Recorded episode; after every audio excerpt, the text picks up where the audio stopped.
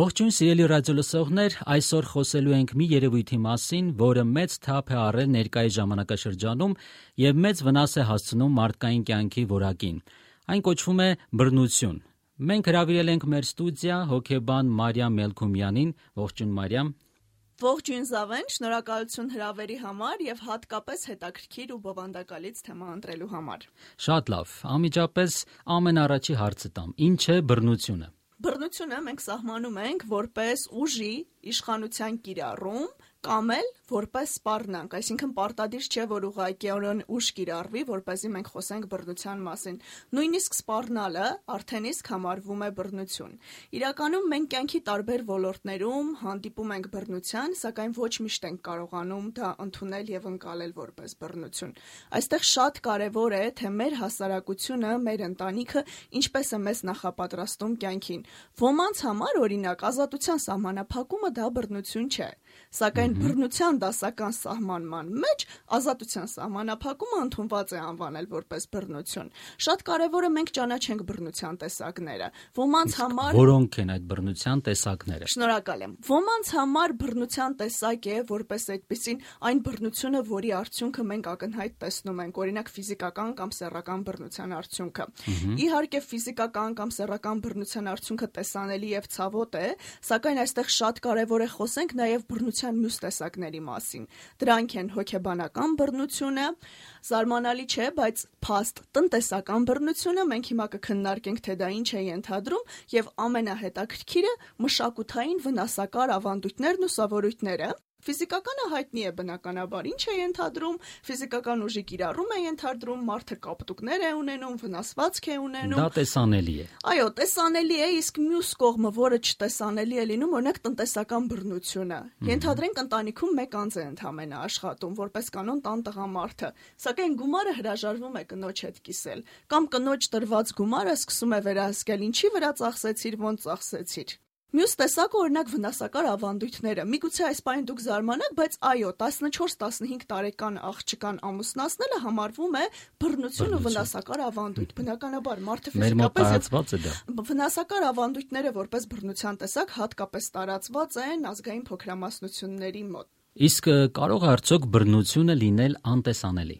Բնականաբար բռնության հիմնական տեսակները եւ ամենավտանգավորները որպես կանոնն անտեսանելի են լինում եւ սրանք դասակարգվում են հոգեբանական հուզական բռնության շարքին։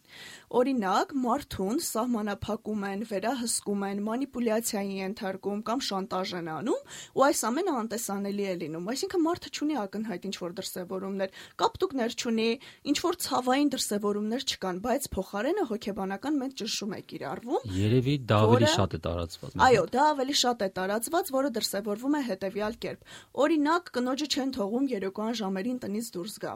Օրինակ, որոշ վայրեր տղամարդիկ կարող են այցելել, կանայք չեն կարող այցելել կամ հակառակը։ Հոգեբանական բռնություն է, երբ որ մարդուն սպառնում են, վիրավորում են։ Սա բնականաբար մարդու հոգեգանի վրա շատ վատ ազդեցություն է ունենում։ Եթե մենք հիմա հարց տանք մեր ռադիո լսողներին, կարծում եմ մեծամասնությունը իրենց կյանքում այս հարցի պատասխանը գտած կլինեն։ Պատահել է չէ մեր կյանքում, որ մեզ մեզ արգել են ինչ-որ շոր հագնենք կամ ինչ-որ արարք անելու համար մեզ վատ բառերով բնութագրեն կամ վիրավորեն։ Այս վիրավորանքը հոգեբանական բռնություն է։ Միգուցե թվում է թե բառ է, ասեցինք անցանք, բայց մարդու հոգեկանի վրա շատ լուրջ ազդեցություն է ունենում։ Մարդը ինքնագնահատականի խնդիր է ունենում, դեպրեսիայի մեջ կարող է հայտնվել, ընդհանուր միջև այլ հոգեբանական լուրջ խնդիրներ կարող են առաջանալ։ Ամենավտանգավորը անտեսանելի հոգեբանական բռնությունն է անշուշտ։ Իսկ նման բռնության ավելի շատ երևի կանայք են ենթարկվում։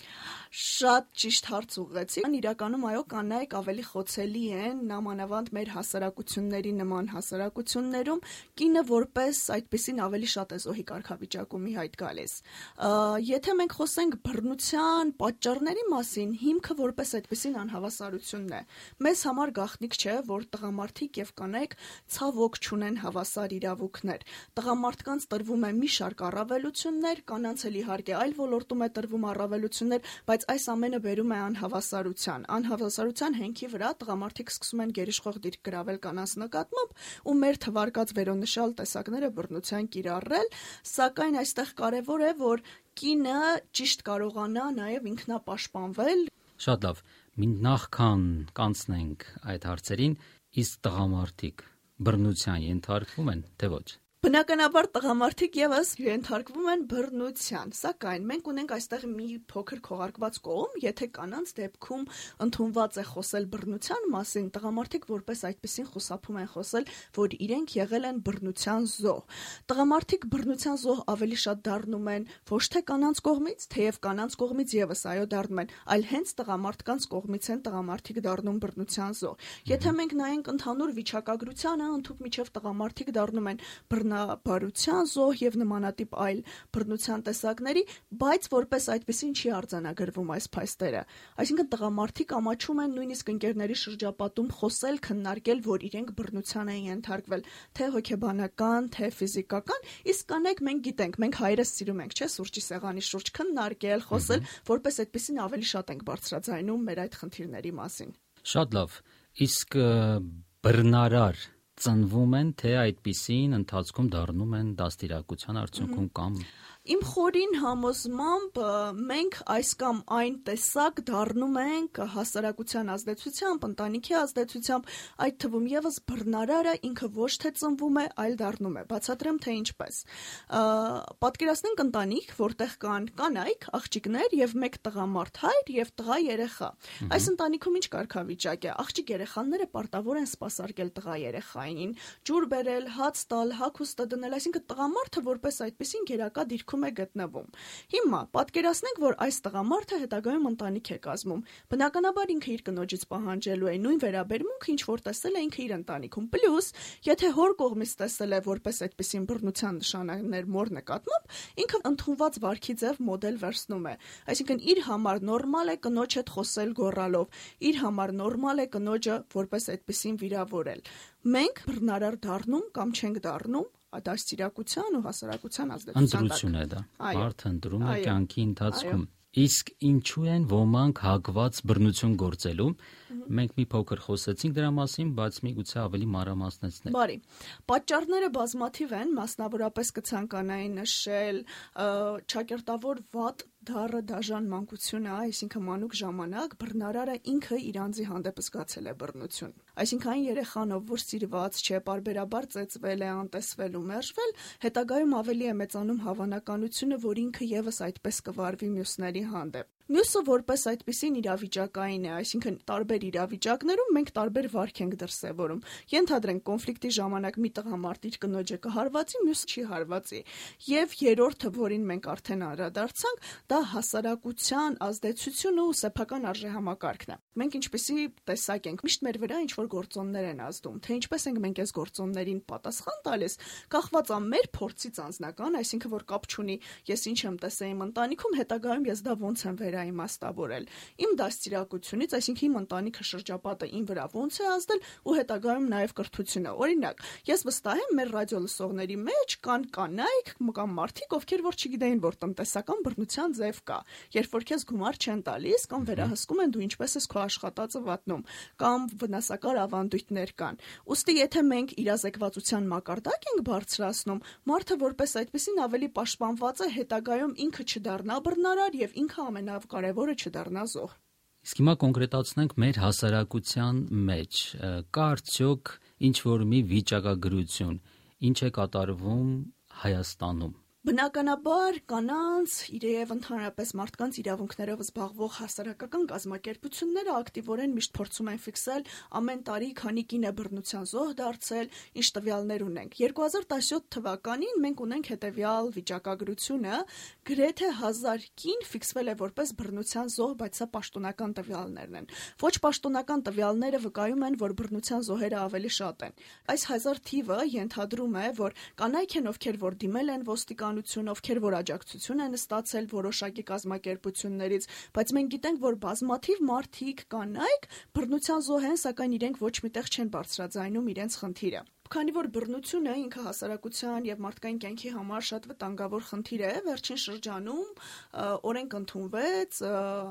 բռնության կանխարգելման վերաբերյալ, որը մասնավորապես վերաբերվում է ընտանիքում բռնությանը։ Բնականաբար օրենքը շատ լայն շրջանակներ չի ծածկում, բայց այս դեպքում այն կանայք, ովքեր որ բռնության զոհ են կամ ուղակի մարդիկ, որոնք բռնության զոհ են, հնարավորություն ունեն արդեն պետական աջակցություն ստանալու։ Շատ լավ։ Իսկ ինչ խորուրդ կտակ նրանց, ովքեր արդեն բռնության են ենթարկվել։ Ամենակարևորը հետագայում բռնության կրկնակի սցենարներ թույլ չտալն է։ Եթե մեր ռադիո լսողների մեջ կան անձինք, ովքեր իրենց կյանքի ընթացքում երբևէ ենթարկվել են բռնության, շատ կարևոր է, որ չթաքցնեն ու չլռեն իրենց իրավիճակի մասին։ Բնականաբար սա չի ենթադրում ոչ պատշաճ վայրերում խնդրի մասին բարձրաձայնելը, բայց այն պայման պետք է դիպել նախ օրինապահ մարմիններին, երկրորդ պետք է մտածել սեփական անվտանգության մասին, այսինքն եթե հնարավորություն կա առանձնանալու եւ ամենակարևորը, մենք պետք է հասկանանք ինչն է մեզ դրթել որպես այդպեսին զոհ դառնանք, որովհետեւ որովհետև շատ հաճախ բռնության ենթարկված զոհերը իրենք չեն ընկալում իրենց որպես զոհ, գանգատվում են իրենց իրավիճակից, բայց պատրաստ չեն լինում իրենց իրավիճակը փոխելու։ Այստեղ կարևոր խորհուրդ ունենք նաև այն անձանց համար, ովքեր որ գործ ունեն բռնության զոհի հետ։ Ամենակարևորը ոչ մի պարագայում մենք չպետք է քննադատենք ոչ մենք մեզ որպես զոհ, ոչ էլ դիմացինին, որովհետև միշտ պետք է հիշենք, որ բռնության սցենարներում մեղավորը բռնարարն է։ Ոչ մի դեպքում մենք մեզ կամ մեր շրջապատի անձանց չպետք է մեղադրենք, որ այ դու զոհ դարձար, որովհետև քեզ այսպես կամ այնպես պահեցիր։ Ամենակարևորը մենք սովորենք մեր մասին հոգ տանել, որովհետև մեր խնդիրների մեծամասնությունը սկսում են, երբ որ մենք մեզ աչքաթող ենք անում ճակերտավոր ասած եւ չենք սկսում մեզ սիրել։ Ոստի առաջին հերթին պետք է մեզ սիրենք, արժևորենք ու ամենակարևորը հոգ տանենք, որ เป զի եւ չդառնանք բռնության զոհ եւ ամենակարևորը ինքներս չդառնանք ագրեսոր։ Շնորհակալություն Մարիամ, Հույսով ենք ձեզ տեսնել կրկին մեր ստուդիայում։ Շնորհակալություն Զավեն հրավերի եւ բովանդակալից հարցերի համար։ Իսկ մեր ռադիո լսողներին ես կմաղթեմ, որպիսի նրանք հիշեն ոսկե կանոնը, որ վարվիր ուրիշի նկատմամբ այնպես, ինչպես կցանկանայր, որ քո նկատմամբ վարվեն։ Եվ եկեք բոլորս միասին ասենք ոչ բռնությանը։ Ձեզ հետ էին հոկեբան Մարիամ Մելքումյանը եւ Զավեն Գաբրելյանը։